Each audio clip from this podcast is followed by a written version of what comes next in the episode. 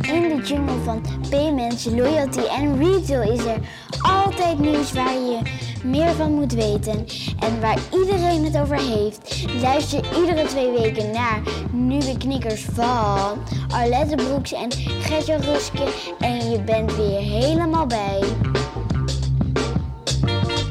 Hallo allemaal, welkom bij aflevering 38 of zo? 37. 37, oh my god. Ja, ja, 37 zijn we. En eh, we zijn weer eens op pad.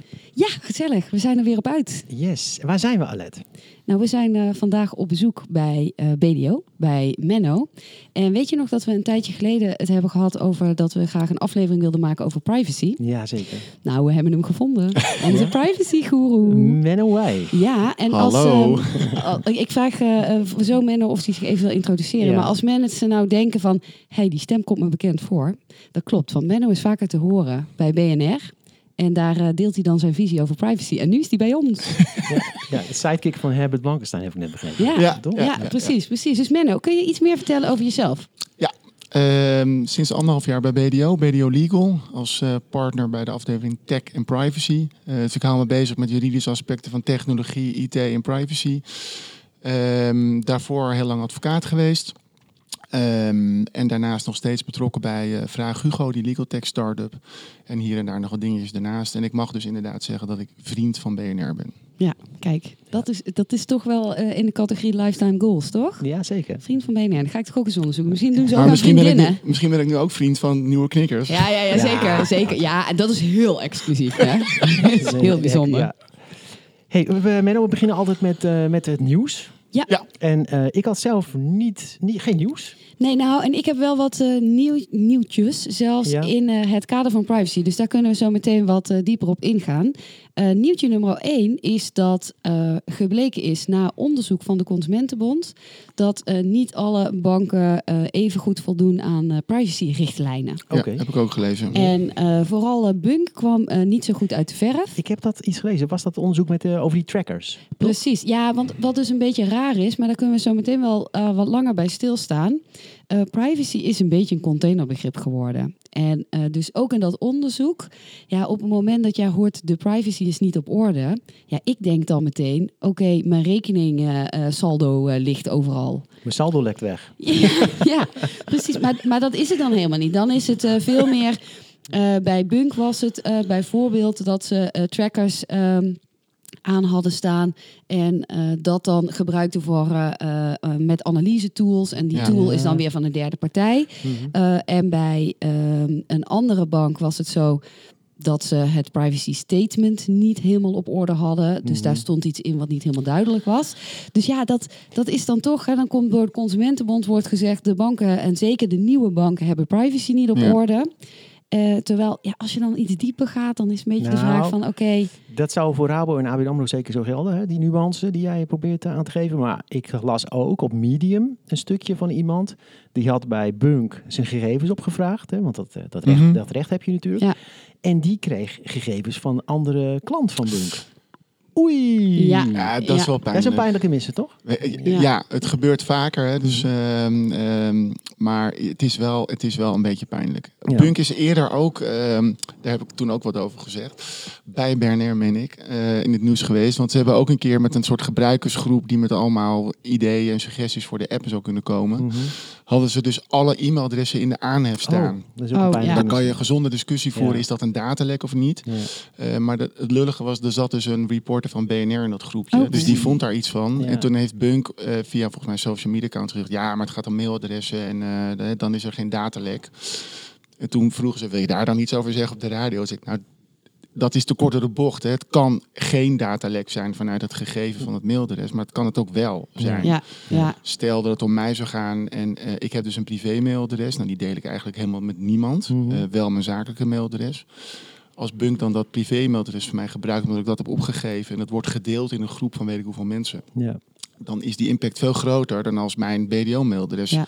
Daar staat. Dus je moet hem ook altijd in de BCC Ja. zetten. Ja, Maar tuurlijk. ja, en weet je, dat is ook wel weer eh, de vraag op wat voor punt is dat misgegaan. Hè? Is dat misgegaan omdat een marketeer even niet zo goed nadacht en die adressen in de aanzetten op een vrijdagochtend en op zend drukte. Dit is huistuin en keuken, hè? dus het, het, laten we, het moet wel goed gaan, normaal hè, gesproken. Maar ik vind, eh, jij noemde het een containerbegrip, ben het met je eens. Maar ik vind ook, we worden misschien ook wel een beetje moe van. eh er wordt flink geframed door de Consumentenbond. Met het is allemaal een grote puinhoop. Er Ja. zullen ongetwijfeld dingen tussen zitten. Hè, waarvan je zegt dat is wel belangrijk. Maar de voorbeelden die we net bespreken, denk ik, dit gaat bij heel veel organisaties Ja, mis. ja. En Ja. eh, Want- weet je, kom op. Precies, want dat is ook eh, waar ik denk wat heel belangrijk is, is dat eh, iedereen zich in een organisatie realiseert van oké, maar wat zijn nou persoonsgegevens? En ehm, eh, ik denk dat, dat Gert-Jan en ik ook nog wel uit het verleden kunnen spreken van op een gegeven moment moet je er heel alert op zijn dat je ook jonge mensen die nieuw binnenkomen in je organisatie en die bijvoorbeeld customer service gaan doen, dat je moet zeggen, hey, let wel even op hè, dat eh, als jij eh, eh, een, een bestand naar iemand anders stuurt, of een klant vraagt een bestand op, let even op wat je daarin deelt. Ja. In plaats van dat je gewoon copy-paste, de hop, de hele database even Klopt. doorsturen. Ja. En, maar nog steeds denk ik dat dit soort dingen blijven gebeuren. En dat zegt de autoriteit persoonsgegevens. Hè. Dus de waakhond ook, de voorzitter Leid Wolf, zegt... we zijn allemaal wel een keer aan de beurt met een datalek of een incident. Dus wees erop voorbereid. En ik denk waar het om gaat is hoe handel je er daarna naar. Hè? Je bent, Ja. Een fout is pas een fout als je er niet van leert. Dus leer daarvan. Ja. Ehm, en ja, ik heb ook wel eens een keer, gelukkig lang geleden, maar hè, per ongeluk een mail naar een verkeerd iemand gestuurd. Dat Ja. soort dingen gebeuren. Want ik heb een tool die dan denkt het mailadres Ja. snel te herkennen. Dus je kijkt Ja. niet, je drukt op die term bam. Oh. Ja. Ik ben heel blij met mijn mailprogramma, want je kan het laatst nog. Er zit zo'n undo-knop op. Dus die, die, Oh. die geeft jou, dus loopt een, te- een telletje mee, letterlijk. Hè? Dus ik geloof 10 seconden of zo. En dan heb ik binnen 10 seconden kan ik nog undo. En dan is die dus niet weg. Oh, Ja, dat is wel ja, handig. Dat is de toch maar niet knop. Spark, mensen. Sp- ja, Spark, mensen. Spark. hey, maar Ja. we, we zijn al helemaal nu de diepte in gegaan. Ja, precies. Nou ja, één heel kort nieuwtje nog. Oh. Wat we ook, want dat is ook, eh, gaat ook over privacy. Ik hoop dat we er straks nog tijd voor hebben, want eh, we hebben heel veel te bespreken volgens mij. Ja. En dat is dat eh, vandaag de eerste versie van het corona-dashboard gelanceerd is. Oh, en, dus Rutte zit er in het torentje naar de Hugo, dashboard. hè? Of Hugo. Ja. Of allebei. Ja, ja, ik denk dat ze samen Of- zitten. of- Wel op anderhalve meter afstand. ja, eh, dus, eh, eh, maar ook daar gaat het heel erg ook over ehm, eh, ook privacy. Hè? Ja. En ook, Ja. eh, ehm, eh, hoe heette die club Privacy First? Die had weer allerlei eh mitsen Nou. en maren. En ergens anders las ik weer dat ze reserveringsinformatie wilden gaan gebruiken. Ja. Dat als jij drie keer per week een restaurantje hebt eh, gereserveerd en ergens is iets misgegaan, ja, dan kunnen ze achter je aan. Mhm. Nou, maar de- de- daar ging eigenlijk ook wel een beetje eh, onze interesse weer naar privacy over uit. Hè? Dus de, de, de hele discussie over corona en over Mhm. de app. Het gaat dan heel snel inderdaad weer over privacy. Hè? En ik merk vooral, vooral, vooral dat het een, in- een eh, interessegebied is van journalisten, die er gelijk op door, doorhakken. Ja. En wat ik zo bijzonder vind is, ehm, we gebruiken allemaal eh, apps als Facebook, Snapchat, Google Maps. Eh, de overheid gebruikt zelfs data van Google om stromen mensen in elkaar te brengen. En eh, ja, je vraagt me eigenlijk af, wie vertrouwen nou meer, Zuckerberg of, eh, of Rutte, zeg maar. Ik vind dat een heel terecht punt. Waar ik me in die coronadiscussie gruwelijk aan heb geërgerd, is dat we nu heel erg moeilijk doen over dat de overheid iets van ons weet. Vanuit, even los van de privacy, maar het grondprincipe is natuurlijk, we hebben met een pandemie te maken en we willen dat onder controle houden. Dat vind ik een heel goed doel en daar ben ik als burger blij om. En natuurlijk moet je dan kijken met wat weten ze dan wel of niet en wat is het doel daarvan. Maar daar wordt heel erg op gespuugd. Terwijl aan de andere kant diezelfde mensen zonder blik of blozen hun privacy, hun data aan precies Apple, Google en Facebook verkopen. Ja. En dan is het allemaal geen probleem. Mhm. En dat vind ik wel een beetje met twee maten meten. Ja, want ehm, als je dan verder doorkijkt eh, naar... en, en je, je, had, je had straks in de inleiding over eh, de trackers, et cetera, Ja. die je hebt. Ehm, uiteindelijk, ja, de internet bestaat al een tijdje. Kennelijk hebben we met z'n allen voor gekozen dat alles gratis moet zijn op internet. We willen nergens voor betalen. Dus het is ook niet, ja, dat is ook niet zo raar dat er op een gegeven moment advertenties geplaatst worden. En dat, dat, eh, dat uiteindelijk grote netwerken zoals Google de beste advertenties willen uit, uitserveren. Dus dat er iets van volggedrag op internet is, ja, snap ik eigenlijk aan de ene kant ook wel. Ik bedoel, hè, als je niet een alternatief hebt om, eh, om eh, van die content af, eh, voor de content te betalen, want zelfs dat is al heel moeilijk. Ik had laatst nog een NRC-artikeltje wat je even wilde lezen, weet je wel. ja, op een gegeven moment hou dat kennelijk bij, hoe vaak je dan leest. Na Ja, vijf ja, ja, artikelen inderdaad. zeggen ze... Nu moet je abonnement worden. Of abonnee worden. abonnement. Ja, ja. En terecht, weet je wel. Ja. Maar ik, waarom kan ik het niet kopen voor 30 cent of zo? Weet je wel? Ik wil er best voor betalen. En dat vind ik het gevaar van eh, zeg maar de, de, de enge privacy-uitleg. Dus Ja. ik zit, dat geef ik altijd graag toe, wat liberaal in privacy. Je Mm. kijkt vanuit het doel, de ratio en eh, niet altijd misschien naar de letter van de wet. Er zijn ook mensen die zich heel erg strikt aan de letter van de wet houden. En dan heb je weinig ruimte. Maar dan krijg je wel exact zeg maar, dit gevolg. Hè. Dus wat is de impact van privacywetgeving op gewoon de business case? Ja. En volgens mij hebben we eh, in de basis helemaal niet zoveel moeite met wat Google allemaal doet. En we zijn er misschien wel aan verslaafd met z'n allen. Mhm. Ehm, en dat dan het businessmodel is, wij verdienen een beetje aan jouw privacy. Daar heb ik helemaal geen problemen mee. Privacy is te koop. Maar, Ja, is, maar het dan is ook pri- ja, maar is het dan ook privacy? Kijk, ehm, ik, ik associeer privacy altijd met iets van... Ik wilde ook bijna de, de, de titel van deze aflevering maken. Sst, we hebben het over privacy. Haha. Ja, Het is, ja, ik weet niet, privacy. Ik zei wel eens tegen jou, dat wil ik op de ja wc. dat, en eh, dat heb je wel eens inderdaad gezegd. Ja. Dat, en, en, als je ook... Nou, we hebben een beeld, we hebben een beeld. Precies. Nee, Ja. maar als je daarover door gaat zoeken, hè, dan zijn er ook echt culturele verschillen als het over privacy gaat. Bijvoorbeeld in China heb je niet eens echt een goed woord voor privacy. Dan gaat Ja, het echt over ja. iets in het geniep willen doen. Ja, dat klopt. Maar in, kijk, in China, China heeft natuurlijk een hele andere achtergrond met eh, hun hele eh, verleden. Ik bedoel, China is gewend om eh, alles te delen met elkaar. En als je niet wil delen, eh, dan ben je verkeerd bezig. Nee, omdat het daar meer gaat over het grotere goed. Dus wij Ja, kijken ja, heel erg naar komt. het individu. En terwijl het daar waarschijnlijk meer gaat over wat draag jij bij aan, aan, de, aan, het, aan het grotere geheel. Ik zie, ik zie zeg maar twee problemen. Even één, hè, er is een verschil tussen eh, gegevensbescherming, waar ook die AVG of GDPR op ziet. Eh, iemand doet iets met mijn gegevens. Mhm. En je hebt natuurlijk het fenomeen, hè, het grondrecht, gewoon eh, recht op eerbiediging van de levenssfeer, de persoonlijke levenssfeer. Ik kijk natuurlijk met name naar die gegevensbescherming en daar zie ik twee problemen. Eén, iets is heel snel een persoonsgegeven, dus datapunten waarvan wij met z'n drieën denken, geen idee wie daar als persoon achter zit, kunnen volgens de wet gegevens zijn. Ja. En dan is hij dus van toepassing. Maar doe toch- Ja. wat, wat is de precieze definitie van persoonsgegeven? Indirecte herleidbaarheid. Hè. Het gaat om een gegeven die direct of indirect herleidbaar is tot een natuurlijk persoon. Nou, Menno Wij, die op Eiburg in Amsterdam woont, dat snapt iedereen. Een mobiel nummer heb je misschien ook nog begrip voor. Dat is wel, maar niet elk mobiel nummer is voor mij eh, direct herleidbaar, maar dus indirect. Maar dan krijg je dus al IP-adressen, nog allerlei andere nou ja, internetachtig gedrag, dingetjes waar je net ook over sprak. Dus klikgedrag Ja. ook. Ja, ja. Want dat is denk ik het moeilijke. Het is het moeilijke van eh, eh, eh, hier eh, in, die, in die wet staat van herleidbaar. Maar je kan iets makkelijks herleidbaars hebben.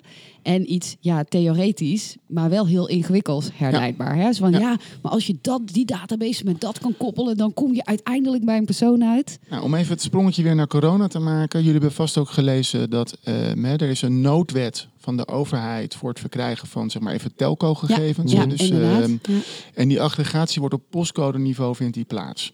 Eh, dus even voor de luisteraars. We hebben een AVG, dus een privacywet, maar we hebben ook een stukje privacy in de telecommunicatiewet. Eh nou ja, telecomproviders zoals KPN, T-Mobile, noem ze maar op, hè, beschikken over heel veel gegevens rondom waar we uithangen en belgegevens. En daar mogen ze niet zoveel mee. En nu wil dus de overheid die gegevens met corona proberen te verkrijgen. Het argument is voor die noodwet, het, is, het gaat om anonieme gegevens. Ja. Ehm, het dubbel is overigens, dan hoef je dus die noodwet niet te maken, want de telecomwet staat anoniem gebruik toe. Mhm. Maar het wordt geaggregeerd op postcode-niveau, Mhm. zodat ze kunnen zien, ik heb zeg maar een gemeente waar mijn registratie zit, Amsterdam ongetwijfeld. En dan kunnen ze vervolgens dus zien dat mijn mobiele unieke nummer in Maastricht wordt gesignaleerd. Ja. Ja. dat zegt iets over wat ik dus doe vanuit mijn basisgemeente Amsterdam. En ik ben ergens in Ja. eh, Maastricht. En dat Ja. meten ze dan eh, per maand. En als de teller groter is dan 30, dan krijgen ze die gegevens. Nou, ik ken geen gemeente waar minder dan 30 mensen zullen gesignaleerd worden. Ja. Ehm, dan ben ik even kwijt waar ik naartoe wilde. Oh ja, hè, dus de vraag is ook hier heel goed. Is het nou wel of niet de persoonsgegeven? Het argument van de overheid is waar ik best wel begrip voor heb. Is ja, als wij hè, zeg maar geaggregeerd, dus het is gewoon een teller Ja. op postcode-niveau, eh, gekoppeld aan een uniek nummer. En als je dan kijkt naar wat wij moeten doen om te achterhalen wie daarachter zit, denk ik dat op zich zit daar wel iets in. De Ja. autoriteit gaat hier heel kritisch naar kijken. Mijn voorspelling die gaat zeggen een persoonsgegeven. En misschien herinner je in jullie wereld nog eh Equens of Equens Ja, die in ja. 2013 Ja. in gedrag op postcode-niveau wilde Ja. verhandelen aan de retail, de winkeliers. En toen werd ook gezegd dat is wel een persoonsgegeven. Want in een superkleine gemeente kan je wel degelijk naar een persoon toe terugleiden. Dit wordt dus een hele interessante discussie over Ja. wanneer is iets nou echt anoniem. Ja. Dan is er dus ook geen privacy. Mhm. Ehm, en wanneer is iets nog steeds ja, wel een persoonsgegeven met die indirecte leidbaarheid. Ik denk dat we daar wat strakkere kaders moeten trekken. En dat we misschien moeten zeggen, we accepteren dat iets geen persoonsgegeven is. Of we accepteren als het binnen het domein persoonsgegeven, dus privacy, dat we op zodanige mate aggregeren dat de herleidbaarheid zo moeilijk wordt dat Ja. je wat meer mogelijkheden hebt om iets met die gegevens te Ja, kunnen, maar- maar- zoals ja. Google. Ja, Maar precies. is, is, ja. is door de komst van internet ook niet ehm, de definitie van privacy een beetje meer verschoven? Ik bedoel, ik kom uit de tijd dat we telefooncellen hadden. En elke telefooncel eh, had, eh, weet ik veel, twintig telefoonboeken. Met naam en toenaam stond je daarin genoemd. Ja. Zou dat nog kunnen? Vandaag de dag. Ja, kijk, ik zeg altijd alles kan. En het valt te staat met de vraag, wat is de, hè, de, de reden dat je iets met die gegevens doet? Mhm. En er zijn zes grondslagen, is dan het eh, vakjargon. Waarvan er drie zeg maar even de meest voor de hand liggende zijn. Namelijk, ik heb ze nodig omdat ik een overeenkomst met iemand heb. Eh, dus als ik met BDO met iemand samenwerk, dan moet ik die meneer kunnen of mevrouw kunnen bellen, e-mailen, misschien eens een factuurtje sturen. Dus dat verklaart dat ik die gegevens nodig heb. Mhm. Dan heb je toestemming. Dus iemand zegt gewoon, men ook vindt prima dat je voor die en die doeleinden mijn gegevens gebruikt. En je hebt dat bekende gerechtvaardigd belang. Dus mijn belang om zeg maar iets vanuit als bedrijf met jullie gegevens te doen, weegt op tegen de inbreuk op jullie privacy. Camera toezicht. Ongetwijfeld hangen bij BDO Ja. camera's. hè, dus is vaak. eh, Precies. hè, dus beveiliging, fraudepreventie, dat zijn allemaal logische dingen. Dus de vraag die je nu moet stellen in de, de nieuwe eh, internettijdperk is, als je dit digitaal wil doen, ja, wat, welke grondslag, en dat dit om persoonsgegevens gaat, is evident, dus een adres en een telefoonnummer. Ehm, welke grondslag heb je dan als je dit als bedrijf wil exporteren? Moet je dus voor nou ja, iedereen die erin staat toestemming vragen? Mhm. Of zou je op dat gerechtvaardigd belang kunnen gaan leunen? Ja. Of geef je mij een abonnement als gebruiker op ook dat telefoonboek en in return geef ik dan mijn persoonsgegevens en zou je dat als uitvoering overeenkomst kunnen doen? Ja, ja, precies. Wat het probleem met die grondslagen is, ehm, is dat alles gaat nu richting toestemming. Dus hè, ook met Ja. internet, cookies, surfgedrag, klikgedrag, dat wordt allemaal aan toestemming opgehangen. En dat noem ik het failliet van de toestemming. Wij worden Ja. met z'n allen metaalmoe om overal maar gewoon toestemming voor Ja. moeten geven. Dus het streeft zeg maar zijn doel voorbij. Die controle die ik dan heb, is volgens mij lang niet in alle situaties nodig. Nee. En als je dan ook nog eens een keer een toezichthouder hebt die zegt: ik kijk heel kritisch naar of toestemming wel vrij, hè, als in Ja. vrijwillig gegeven kan worden. Dus nou, je voelt hem al aan. Een spanningsveld werkgever, werknemer. Mhm. Sommige gegevens mogen alleen maar met toestemming. Dus nou, neem even het temperaturen van een werknemer. Mag je op kantoor komen of niet? Ja. Ik wilde Eh, het net aanhalen. Oh, Ja. nou oké. Eh, daarvan zegt de autoriteit, werknemer, werkgever hebben standaard, hè, staan in een hiërarchische verhouding. Mhm. Dus toestemming door de werknemer kan per definitie nooit vrij worden gegeven door die verhouding. Mhm. Mijn, en, maar er is maar één route, namelijk die toestemming. Je kunt niet via een andere route iets met dit soort bijzondere gegevens. Dan geef Ja. je misschien impliciet toe, toe- toestemming als je daar naar binnen wil. Eén, en dat is best wel, eh, vind ik wel een beetje schrijnend. Er is toen heel hard geroepen door de waakhond. Het mag niet, het mag niet, hè, selection En, report. en in België Mhm. mocht het wel. Ja, precies. Maar ook dreigen met hoge boetes. Bedrijven die dat precies. doen, hoge boetes.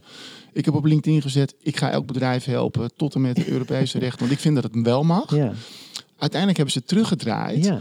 En gezegd, nou, oh ja, hè, als het puur is om zeg maar het kantoordeurtje open te laten gaan, zodat je dus hè, op kantoor mag komen zitten, maar het wordt niet in je dossier geregistreerd, Mhm. dan is het geen verwerking, want dat wordt niet ergens eh, zeg maar digitaal verwerkt. Nee. En dan is de AVG niet van toepassing. Dan is Nee. dus, eh, speelt de privacywet niet. Ik vind eh, dat ze meteen dit hadden kunnen zeggen. Of hadden moeten zeggen, dit gaat om zo'n bijzondere reden. En die kan je echt wel in die wet ergens Ja. vinden. Dat je eh, of accepteert dat iemand gewoon daarmee instemt. Dus dat die toestemming wel vrijgegeven kan worden, ondanks dat het met basis is. Mhm. Of dat je zegt, ik ga op de route zitten. Het is een pandemie, hè, dus eh, corona is iets super uitzonderlijks. En vanuit die route is er een soort van noodzaak, zorgplicht als werkgever Precies. om anderen te beschermen tegen die ene die misschien zonder dat hij het weet Ja. Doorloopt, maar wel besmet Ja. is. Ja. Ja. Maar is dat nu niet ook dat, eh, wat eerder ook al gezegd werd, eh, dat er zo ehm, bijna krampachtig Ja. gekeken wordt naar privacy? Houdt dat ook niet heel veel eh, innovaties tegen? Absoluut. En ook eh, wat je ziet, en dat zie je ehm, binnen grote bedrijven al, dat je eigenlijk eh, liever, het is niks persoonlijks hoor, maar de privacy officer buiten je project houdt. Want dan komen alleen maar de moeilijkheden, de mits en de maren. Eh, maar bij eh, kleine bedrijven is dat natuurlijk nog meer. Je gaat niet voor je lol bij eh, de privacyautoriteit op de koffie. En dat is natuurlijk heel jammer, want eigenlijk, als je nou een goed kennisniveau hebt van oké, wat mag wel, wat mag niet. Hè, hoe jij het ook benadert van kijk nou met een open blik naar privacy. Dan kun je het ook zo inrichten dat je, wat vaker genoemd wordt, privacy by design hebt met een nieuwe Mhm. oplossing. En uiteindelijk wordt iedereen daar beter van natuurlijk. In plaats van dat je heel krampachtig eh, eh, bepaalde dingen eh, niet doet, want misschien mag het niet. Ja. En daardoor wordt de gebruiksvriendelijkheid van een oplossing vaak slechter in plaats van beter. Ik heb, eh, want nou ja, nog vrij kort geleden bestond de AVG twee jaar. Eh, voor luisteraars die natuurlijk zelf ook privacy niet weten dat die wet al veel langer bestaat, maar hij is in ieder geval twee jaar zeg maar, in werking getreden. Ehm, en daar heb ik ook een terugblik op eh, gedaan in een blogje en gezegd, ik vind dat we moeten kijken naar dingen die er echt toe doen. En ik maak wel onderscheid tussen dat huistuin- en keukenprivacy gebruik. Ik ergerde mij dus aan een interview in NRC waar dan nog steeds eh, een bestuurder van een voetbalvereniging zegt: Ik weet niet of ik een foto van een lid wel of niet hè, mag gebruiken voor de club en op internet mag zetten. En dan denk ik: Kom op, jongens, dat is geen nieuws over twee jaar AVG. Dat mag je dan wel een beetje weten. En dan de specialist, hè, de privacy specialist, eh, dat was ik overigens niet, die dan daarop geïnterviewd wordt, die had ook natuurlijk kunnen zeggen: Jongens, maar. Dit is natuurlijk niet, dit is niet het nieuws over de AVG. Nee. En ik vind dat we wat minder spastisch over die huis- en de keukendingen moeten omgaan. Maar wel met, hè, wat ik al eerder zei, begrip voor het doel en de ratio van die wet. En dat we proberen om dat, die huishouding, die hygiëne op, op orde te hebben. Maar dat we ook moeten accepteren, het gaat wel een keer mis. Dan hebben we een toezichthouder en die kan daar gewoon van geval tot geval naar Ja. kijken. En de een krijgt een waarschuwing, de ander krijgt een dikke boete. Hè. Dat boet, die boete van het ziekenhuis in Den Haag Ja. met Barbie, volkomen terecht dat je dat meteen Ja. afstraft, Ja. ook als signaal. Ja, omdat er een eh, eh, medewerker die niks te maken had met haar behandeling, dus een medewerker van het Er werd ziekenhuis, gewoon in het dossier die, eh, van BNS ging even gekeken. snuffelen Maar- in het eh, dossier. Oké, ja. maar goed. Oké, nou je haalt En hem- vervolgens bleken ze ook nog eens een keer in een winkelwagentje hele vertrouwelijke patiëntengegevens te hebben Ja. laten liggen. Hè. Dus het, Oh, het, was, het stapelde zich op. maar Ja, dit- dan, ja. komt er- dan is er een keer een grens. Maar Ja, dit is niet ja. nieuw zo, weet je. Ik bedoel, dit gebeurde natuurlijk altijd al. Ik bedoel, we hebben, ik heb verhalen gehoord. Nou, ik zal ze hier niet allemaal maar dat gebeurde natuurlijk ook vroeger op heel veel andere bedrijven. Ja, maar weet je, Fox IT heeft een datalek gehad. En die bewaren staatsgeheimen is daar, vind ik, heel goed mee omgegaan. Hebben we gewoon een groot artikel in een krant geplaatst. En Ja, ja. jongens, dit is wat er is gebeurd. Dat vind, je moet het ook delen. Ja, natuurlijk. Maar hebben gezegd, we trekken hier lessen uit. De autoriteit persoonsgegevens zelf is, eh, heeft een datalek gehad. En een heel groot advocatenkantoor heeft een datalek Ja, ja. gehad. Weet je, het gebeurt ons allemaal. Ja, maar ik vind het inzien van eh, de vertrouwelijke dossiers, zeg maar. Ja, ik, ja, ik zou niet zeggen klein bier, maar eh, ik, da- daar ga- gaat die AVG volgens mij niet om. Hè. Juist eh, het, het interessante van digitale technologie is dat het heel veel, heel veel gegevens opgeslagen kunnen zijn in een database. En als dat, ehm, als dat lekt, dan zijn de gevolgen zo groot. Ik bedoel, ik ken verhalen in de tijd dat ik nog bij Rabo werkte. Mensen die eh, in de trein van Utrecht naar Eindhoven zaten met een dossiertje. Ja, zo'n dossier was op papier. Dat bleef wel eens ergens in de trein liggen. Ja. Maar de consequenties zijn dan niet zo heel erg groot. Want het is maar één dossiertje. Terwijl als dossiertjes op internet beschikbaar zijn... en in één keer hebben we 1 miljoen dossiers op straat liggen... dan zijn die gevolgen natuurlijk veel groter. Ja, en dat is het goede nieuws dat de impact zeg maar, van het lek meeweegt in de vraag: moet ik het überhaupt melden Ja. aan de waakhond, dan wel aan degene om, wie, om wiens gegevens het gaat. Hè. Dus dat, daar wordt gelukkig wordt dat al meegewogen. Ehm, en twee, het gaat mij er even om, eh, hoe ga je met zo'n lek om? Hè? Voorbeelden hoe het niet moet is ook Uber. Het een jaar lang verzwijgen, proberen om eh, naar Ja. die mensen die zijn ingebroken af Ja. te kopen met geld. Ja. En pas als de media er eh, wat eh, gevoel krijgen, want er klopt iets niet, heel snel alsnog melden. Dat is hoe het niet moet. Mhm. Ehm, Die, maar- hebben, die hebben ook een boete gehad van de AP, toch? De Uber? Ja, Ja. ja. en dat is dus nog onder het regime van de wet meldplicht datalekken. Dus dat was nog net zeg maar nou, in de overgang naar de AVG. Dus vandaar dat die boete eh, relatief laag leek. Zeker voor een club als ehm, Uber. Want onder de AVG hadden ze dit eh, met 20 miljoen of 4% van de wereldwijde jaaromzet kunnen ja, bestraffen. en dat was nu slechts 5 ton en een beetje. Nou, maar als je nu kijkt eh, naar de boetes die uitgedeeld zijn. Het zijn er nu zes, geloof ik. Ja, vijf of zes, ja. Eh dat zijn die hoogte van. Wat vind je van de hoogte van de boetes? Nou, KNLTB die in één klap, eh, daar hebben we ook, over heb ik overigens betrokkenheid gehad hè, toen ik nog advocaat was. Dus de tennisser die is begonnen, Axel, met het bezwaar maken tegen die handel. eh, dat heeft geleid tot een onderzoek door de AP en dus nu die boete. Eh, die is denk ik best zwaar eh, Mhm. voor de KNLTB. En wat was daar gebeurd? KNLTB ehm, handelde in gegevens van eh, individuele leden. Hè, dus ik ben lid van een tennisclub in, ja, in Eiburg. Eh, maar de KNLTB beschikt dan ook over mijn gegevens. En met de beste bedoeling is mijn indruk er overigens... hebben zij, ik dacht, wat mobiele telefoonnummers en e-mailadressen verstrekt aan partners. Dus weet je, eh, iemand die tenniskleding voor tennisschoenen eh, biedt voor de leden. Dus vanuit, we willen de sport voor de individuele tennissers beter maken. Ja, Vragen we aan een tweetal partners of drietal partners wat geld voor die persoonsgegevens. En ja, dan kunnen dus die mensen dus eh, commercieel benaderd worden. ja, Eh, en Axel zei toen van ja, dat mag niet. Ik heb hem ontmoet bij BNR. En toen was de vraag, hè, welke grondslag moet je nou hebben? Moet je hier toestemming voor vragen als KNLTB of mag je met dat gerechtvaardigd belang? Hè? Ik heb een Ja. commercieel belang vanuit de sport. En dat weegt op tegen de inbreuk op mijn privacy met mijn mail of telefoonnummer. Ehm, en ik zat in die uitzending daar op de route gerechtvaardigd belang. En Axel zei nee, toestemming. En toen twee weken later belden we elkaar. Toen zei wil je mij helpen als advocaat? En zo is het balletje gaan rollen. Ehm, en hebben wij nog die klacht ook daar ingediend. En uiteindelijk is dat dus beboet. En er is gezegd, dat mag alleen met toestemming. Ehm, en ja, er zijn factoren meegenomen om dat dus direct te beboeten. Maar wel met ook een dikke vijf ton. En de business case was, ze wilden ongeveer zes ton zeg maar, proberen voor de sport te vergaren. Dus dat doet natuurlijk wel heel veel pijn. ja. ja. Ik denk daar dat als je naar de KNTB kijkt, dat het een pittige boete is.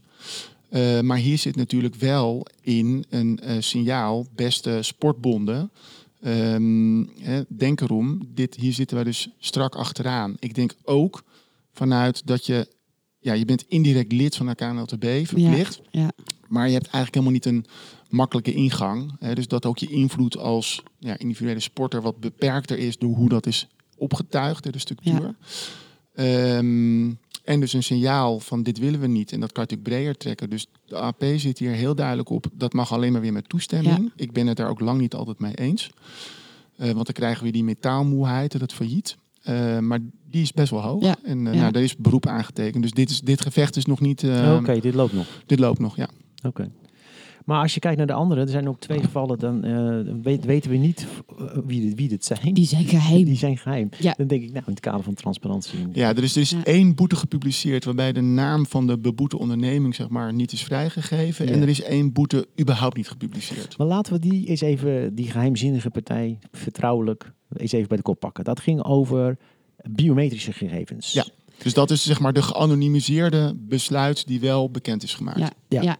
want dat Had je ging daar over... inhoudelijke betrokkenheid bij of niet? Nee. Kunnen we gewoon Nee. vrij even over praten? Ja, want dat ging over medewerkers. Die hadden, eh, eerst hadden ze een soort eh, tag waarmee ze konden eh, inklokken en Een, uitklokken. een druppel. Een druppel, ja.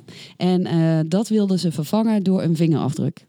Ik heb Maar ook jij eh, hebt ook geen druppel, Je maar je werd, Ja. je werd getagd. Ja, maar het, en, eh, het was wel zo dat het eh, vrijwillig was of jij dan die eh, vingerafdruk wilde gaan gebruiken. Maar als je dat niet wilde doen, moest je wel op gesprek bij de directeur. Ja, maar het ging dan met name over inklokken hè, en uitklokken. Ja, En uh, deze is natuurlijk een belang voor de werknemer. Dus ik kan me voorstellen, ik bedoel, ik weet niet wie het is.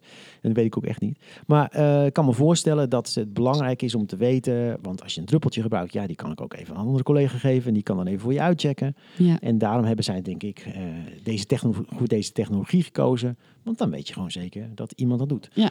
Nou, en daarvan heeft de AP gezegd, mag niet. Het, kennelijk was er niet genoeg belang om zo'n zwaar middel in te zetten voor het in- en uitklokken. En daar heb ik zo nog een vraag over hoe we het eventueel dan wel zou kunnen. Maar eh, wat vind je daarvan? Want ik, ik zat, zat op, uh, naar aanleiding daarvan nog eens een keer even die AVG te lezen. En daar stond zelfs in dat het opslaan van biometrische gegevens überhaupt verboden is. Ja, er zijn. ehm, eh, dus je hebt de AVG, maar we hebben ook nog zeg maar de uitvoeringswet in Nederland van de AVG, de U-AVG. Mhm. Eh, biometrische gegevens is dus een vorm van bijzondere gegevens. Er zijn er zes categorieën van. En daar staat gewoon van in de wet dat mag niet tenzij toestemming of een andere wettelijke uitzondering. Sorry. In de UAVG, die uitvoeringswet in Nederland is gezegd, en daar wordt nu ook de, weer in een evaluatie wordt daar weer gekeken naar een aanpassing. Onder omstandigheden vinden wij dat het gebruik van deze biometrische gegevens voor toegangsachtige beveiligings, wat jij zo mooi zei, aspecten dat moet kunnen. Mhm. En dan heb je dus dat gerechtvaardigd belang. Ja. Maar dan moet je heel goed kijken naar de impact, hoe wordt het ingericht, eh nou ja, data minimalisatie, privacy by design. Er wordt heel veel meegenomen en een belangrijke afweging is de proportionaliteit en Ja. de subsidiariteit. Is dit het middel waarmee je het doel voor het gebruik van die gegevens kunt bereiken? Of is er ook een alternatief die Mhm. minder inbreuk maakt op nou ja, een heel bijzonder gegeven als gezichtsherkenning of een vingerafdruk? Ja. Eh, dus er is uiteindelijk wel een uitzondering mogelijk. Ja. Eh, gelukkig, hè, zonder dat je nou weer een toestemming moet vragen. Want dit is wel weer een goed voorbeeld. Als het alleen maar met toestemming kan, ja, dan zegt vervolgens diezelfde toezichthouder: ah, ah, werknemer, dat kan niet. Hiërarchische verhouding. En dan staat die route dus 100% dicht. Ja. Nou, dat Ja. vind ik niet, dat is niet de bedoeling van de wet. Nee. Dat routes dicht staan. Ja. Ja. Ehm, en hier speelt dan inderdaad mee. Hè, waarom had je dit zo nodig gekozen? Even verplicht bij de directeur op gesprek moeten komen. Dat raakt natuurlijk die, Ja. Ja. hè, de druk op de. Dus dat denk ik, die snap ik dan wel in deze context. Ja. Ehm, en ook hier denk ik wel dat weer meeweegt. Hè, eh, dit, hier gaat, dit gaat nog een grote vlucht nemen. Mhm. Ehm, en dat er dus een strak signaal wordt gegeven van denk erom, als je hier uiteindelijk het niet goed oppakt, dan eh, kan je daarvoor bestraft Ja. worden. En Ja. Manfield is ook op dit punt door de rechter teruggefloten. Dus er is nog een voorbeeld van een gerechtelijke uitspraak. Ja. Waarin is gezegd, eigenlijk vonden we dat je dus een vingerafdruk voor een kassa, hè, om de kassa open en dicht te kunnen doen, eh, dat je dat best wel kon gebruiken. Maar je hebt gewoon onvoldoende, zeg maar, de privacy aspecten onderzocht. Je moet verplicht zo'n zogenaamde Data Protection Impact Assessment doen, een. DPIA. En dat had Minfield in die uitspraak onvoldoende, zeg maar, van tevoren onderzocht. En die zijn daarop gestraft. Ja. En eh, gaat die, eh, ehm, eh, die data protection, Impact Impact. Assessment. ja, die, gaat die eh, eh, ook over hoe je de data vervolgens bewaart? Ja, alles. Hè. Dus En hoe lang? welke gegevens en waarom? Ehm, hoe gaat dat systeem in zijn werk? Wat is de beveiliging? Waar zitten die gegevens allemaal? Wie heeft Ja. er toezicht toe? Wat is de impact voor degene om wie het gaat? Eh be bewaartermijn. Hè? Dus eigenlijk het hele ve- alternatieve, het hele eh, spectrum met de grondbeginselen van de AVG, de privacywet, moet je daarin meewegen. Dus die DPIA is gewoon een heel eh, terecht fenomeen, hè, dat onder omstandigheden je dat van tevoren verplicht moet doen. En dan moet je ook handelen naar de conclusie. Ja. de conclusie, we kunnen best nog alternatieven eerst onderzoeken, moet je dat ook gewoon doen. Ja. En is dat iets op een niveau wat eh, een ondernemer eh, zelf zou kunnen doen? Of heb je daar altijd wel advies van een specialist bij nodig? Ja, ik zou dat alleen al om misschien ook wat politieke redenen eh, outsourcen, dus uitbesteden. En dat is niet omdat ik nou zo nodig zit te hengelen naar die klus hoor, laat ik daar heel eerlijk in zijn. Maar ik denk dat als je dat laat doen door een onafhankelijke club, ja. Kijk, heb je zelf gewoon een hele gespecialiseerde eh, privacy officer in huis, dan kan het. En je hebt een goed leer. Dus pff, weet ik veel, Shell zou dat prima zelf kunnen doen. Er zijn ook templates voor.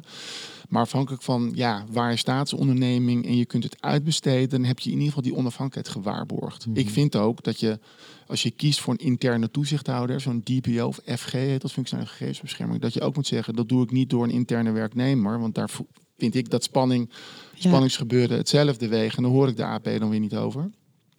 Terwijl als je dat extern bij een onafhankelijk iemand neerlegt, die kan ook gewoon tegen de directeur zeggen of tegen de baas van jongens, wat hier gebeurt kan niet. Hè. Dus eh, alleen daarmee al, ja, je besteedt het uit. Je kunt zeggen, ik ben niet over één nacht ijs Ja. gegaan. Die club is daarin gespecialiseerd. Ik denk dat dat waarde heeft. Maar goed, het kost wel geld. Daar Ja. moeten we eerlijk in zijn. Ja.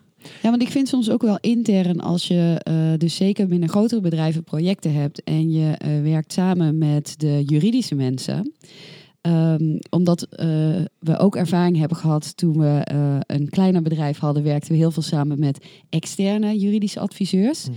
En eh, je ziet dat daar echt een groot verschil tussen zit. Ja. Dat intern zijn de eh, legal mensen heel vaak heel voorzichtig en heel erg risicomijdend. En die zeggen eigenlijk vooral dit en dit mag niet.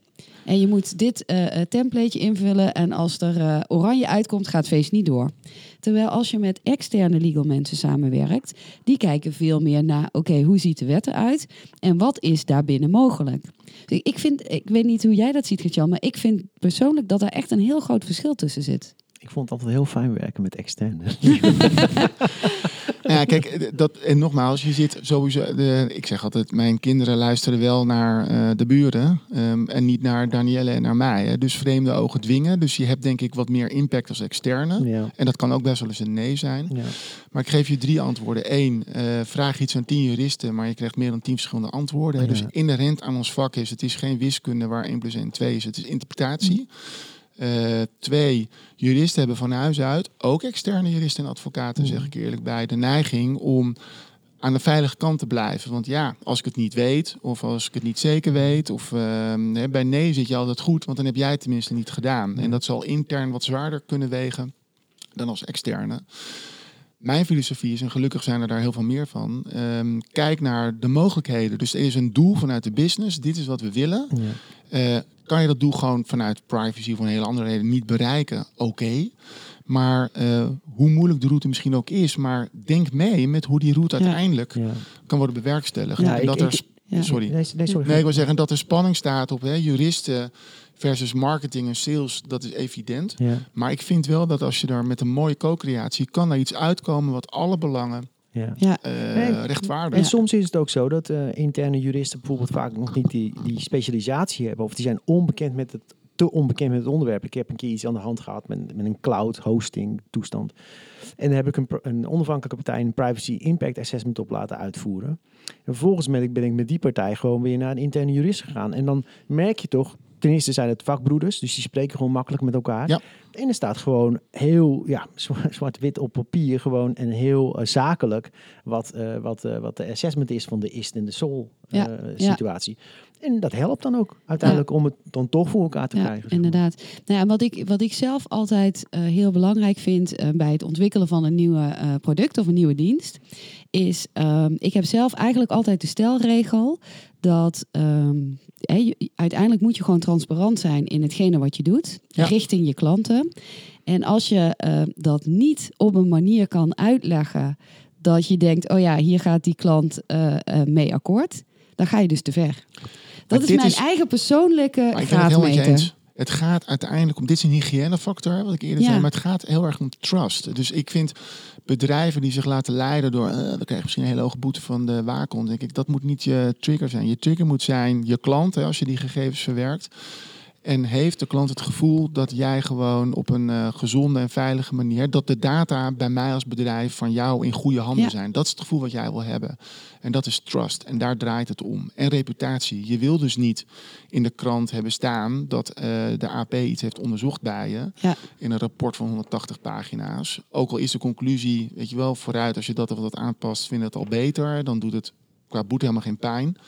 Eh, maar je staat wel heel lang heel hoog in zoekresultaten van zoekmachines. Je wil dat niet. Dus eh, het gaat om eh, de reputatie en ja, de loyalty naar je eigen klant als je Ja. die gegevens Ja. verwerkt. Ja, en, en dus als jij iets verwerkt van die klant, dat je hem dan ook echt iets teruggeeft. Ja. Want het, is, het, het kan eh, volstrekt prima zijn om eh, profielen te maken, Mhm. eh, zolang je dan wel die klant ook echt serieus een betere ervaring geeft. En niet dat je een profiel maakt om hem via de achterdeur te verkopen. Nou, dat gaat onder andere bijvoorbeeld in het, wat je toen in de inleiding had, hè, dat, dat de Consumentenbond ding had onderzocht, die Firebase, van Google Firebase bijvoorbeeld. Ik Ja, weet en dat... er is in Amerika hè, nu een eh, grote lawsuit tegen Google. Oh ja? Ook, waar ook, ook? drie, drie, drie consumenten claimen meer dan 5 miljard euro. Oké. Oh, Maar veel. Ik, ik weet in ieder geval dat Firebase onder andere heel veel gebruikt wordt door ontwikkelaars om gewoon bijvoorbeeld in een onboardingproces te kijken waar haakt iemand af. Ja. dat is echt waar het voor gebruikt wordt. Ja. En daar wordt heel veel A-B-testen mee gedaan. En Dus ja, ze hebben een gedeelte die volgt dat pad en een ander gedeelte van de consument volgt dat. En daar gebruiken ze Firebase voor. Vind ik helemaal niks geks aan. nee. En, en dat, wij hadden dat wel altijd in, in ook voorwaarden staan. Dat als het bijdraagt, eh, we onderzoeken wel bepaalde de klikgedrag. Maar ja. Ja, maar er moet ja, altijd, hè, dus toch maar onthoud, er moet een goede reden zijn om iets met die data te mogen. En er zijn genoeg eh, redenen dat het uiteindelijk ook gewoon niet mag. Mhm. Eh, dan moet je het dus ook niet doen. Maar ik ben helemaal met jou eens. Weet je, wees open, Hij- hij eerlijk en transparant. Oh ja, sorry. Even ondertiteling. Ik ben het helemaal met jou, Arlet, eens. eens dat ehm, wees transparant. Dus wees eerlijk, wees open. Ehm, en ook als er dus iets niet goed gaat, ehm, eh, vertel het dan. Maar ehm, eh, vooral dus, doe niet iets eh, waarvan je zegt dat je het niet doet. Hè? Of doe eigenlijk niet wel Ja. iets. Eh, dus niet jokkenbrokken, even in eh, simpele taal. En dat is dat punt wat mogelijk met Google speelt. Ja. Dus Ja. Dan wil ik daar nog even op inhaken. En als je kijkt naar de coronacrisis en de gezondheidszorg, dan pakken we dat op nationaal niveau aan. Ja. Maar dat doen we met privacy ook. Sterker nog, ik zie eigenlijk dat de AP in Ierland, Luxemburg, eh, misschien wel wat softer is dan de AP in Nederland of in Ja. België. Terwijl GDPR geldt voor heel Europa? Of, Ja, eh, ja, het is oké. verordening. hè. Het is gewoon Ja. een directe wet voor de Europese Unie en dan eh, nog zeg maar de EER-landen ook. Dus het is belastingtechnisch eh, voor grote techbedrijven soms handig om in Ierland te zitten of in Luxemburg, Mhm. maar kennelijk ook privacy technisch. En ik vind dat toch heel raar als Europees burger. Ja, terwijl de grap is dat we hadden hiervoor dus een richtlijn. Hè, dus voor de AVG hadden we een richtlijn. En een richtlijn moet nationaal in lokale wetgeving worden geïmplementeerd. Dus daar zaten ook van nature veel meer verschillen in de nationale wetgevingen van de Europese lidstaten. Nou, een directe Europese wet, die verordening, zou je zeggen dat is minder. Maar corona bewijst echt dat op verschillende aspecten van ja, privacy versus hè, de bestrijding van een pandemie, dat toezichthouders dus anders in de wedstrijd zitten. En je hebt helemaal gelijk, Gert-Jan deze keer. Ehm, de Nederlandse toezichthouder zit wel op een hele conservatieve uitleg en wil graag het braafste jongetje van de klas zijn. Mhm. En dat is jammer, Ja. want je zou eigenlijk daar meer één lijn moeten trekken. Terwijl dat gremium is er wel. Je hebt de zogenaamde European Data Protection Board. Ja. De oude, wat is het, artikel 29 working group, waar alle voorzitters van de waakonden als een soort denktank bij elkaar zitten. Aleid zit daarin. En eh, daar worden goede, dikke rapporten geschreven. Ik ben het er niet altijd inhoudelijk mee eens, maar daar ligt wel de visie op, zeg maar even de uitleg en de handhaving van de GDPR. Mhm. Ehm, maar dan is het toch wel heel opvallend dat er dus nog steeds zoveel interpretatieverschil is en dus ook positieverschil Ja. tussen diezelfde waakhonden. Ja, dat snap ik nog niet. Want dat doet, natuurlijk ook afbreuk enigszins aan de, ja, de, de professionaliteit, het beeld van de professionaliteit wat je dan hebt. En bijvoorbeeld zoiets eh, als dat verhaal met de temperatuurmeter in België. Ja. Dan zou je toch denken, laten eens zorgen bij dit soort twijfel, als er twijfel is, niet oversteken. En laten we kijken of er consensus kan worden bereikt in zo'n boord. Kijk, het goede nieuws is wel, hè, ik was net een beetje boos op de AP omdat ze dus heel hard riepen met het mag niet en dikke boetes. Maar twee weken later zijn ze dus bijgetrokken en Ja, hebben ze ja. de lijn Ja, ja. ook de argumentatie van België gevolgd. Het enige jammer is, ehm, dan komt er gewoon even een updateje met, hè, zie je hier dat we iets hebben toegevoegd aan ons coronabeleid, maar dat ze het niet heel expliciet, zeg Ja. maar, gewoon nog eens even Ja. eh, duidelijk De- maken. en de, en de Dus, eerste ehm, koppen die blijven hangen bij mensen. En dat is denk Ja. ik ook een beetje het probleem. En in die aanpassing bleef die kop ook hangen. ja, Want ja, want eigenlijk zou je dan verwachten dat ze in BNR bij wijze van spreken of eh, bij nieuwe knikkers ja gewoon precies. komen vertellen. Nou, dat hebben we toen op dat moment gewoon Ja. verkeerd gezien. gewoon, Ja. weet je wel, Ja, want het gaat ook eh, heel erg maak over een het markup van je sentiment. document. Een beetje een markeer document. Jongens, dit zijn de wijzen. Ik heb toegevraagd, is er gewoon eh, inzichtelijk hè, wat nou eh, daadwerkelijk de verschillen zijn van het standpunt. Eh, Ja. Nou, daar hoor je dan weer niks Ja, op. maar dat is wel grappig, hè? Want aan de ene kant willen ze dat bedrijven open en transparant zijn op het moment dat er iets misgaat. Hè, met een privacylek willen ze open, transparant en eerlijk vertellen wat er is gebeurd. En zelf, als ze een keer op iets terugkomen, dan proberen ze dat toch een beetje weg te moffelen. Inderdaad. Weet je wat zo fijn eh, is aan eh, mijn rol hier eh, in deze podcast? Dat ik achter de knoppen zit. Ja, En dat ik ook gewoon een punt achter kan zetten. ja. maar ik, ik, ik denk ook dat we echt wel heel veel besproken hebben vandaag. Absoluut. Maar ik neem wel alvast de vrijheid ja, om nieuwe vriend van eh, Nieuwe Knikkers, ja. Menno, wel te vragen of we nog een keertje wel eh, over een tijdje nog een keertje terug mogen komen. ja, bijvoorbeeld als die eh, corona-app een keer geïntroduceerd is na de vakantie. Dan gaan we kijken waar we allemaal geweest zijn. Ja, Want ja. jij we zetten alles aan. Dan kun je gewoon helemaal zien welk pad ik gevolgd heb door Europa. Ja, ja, dan gaan we dat helemaal bespreken. Ja, wordt Ja, super interessant. Ik wou het al zeggen, ik vind het super dat ik hier mocht zijn. En ik vind het geweldig dat ik hoor dat ik nog een keer mag komen. En eh, wat mij betreft doen we het nog meer dan één keer. Ja, hartstikke leuk. En voor luisteraars, mocht jij nou eh, een onderwerp hebben rondom privacy of iets anders, laat het ons vooral weten. Ja. Want eh, wij horen heel graag van jou. Ja, stuur even ons een eh, berichtje naar tips@nieuweknikkers of uh, nieuweknikkers.nl en dan komt het helemaal goed. Zeker.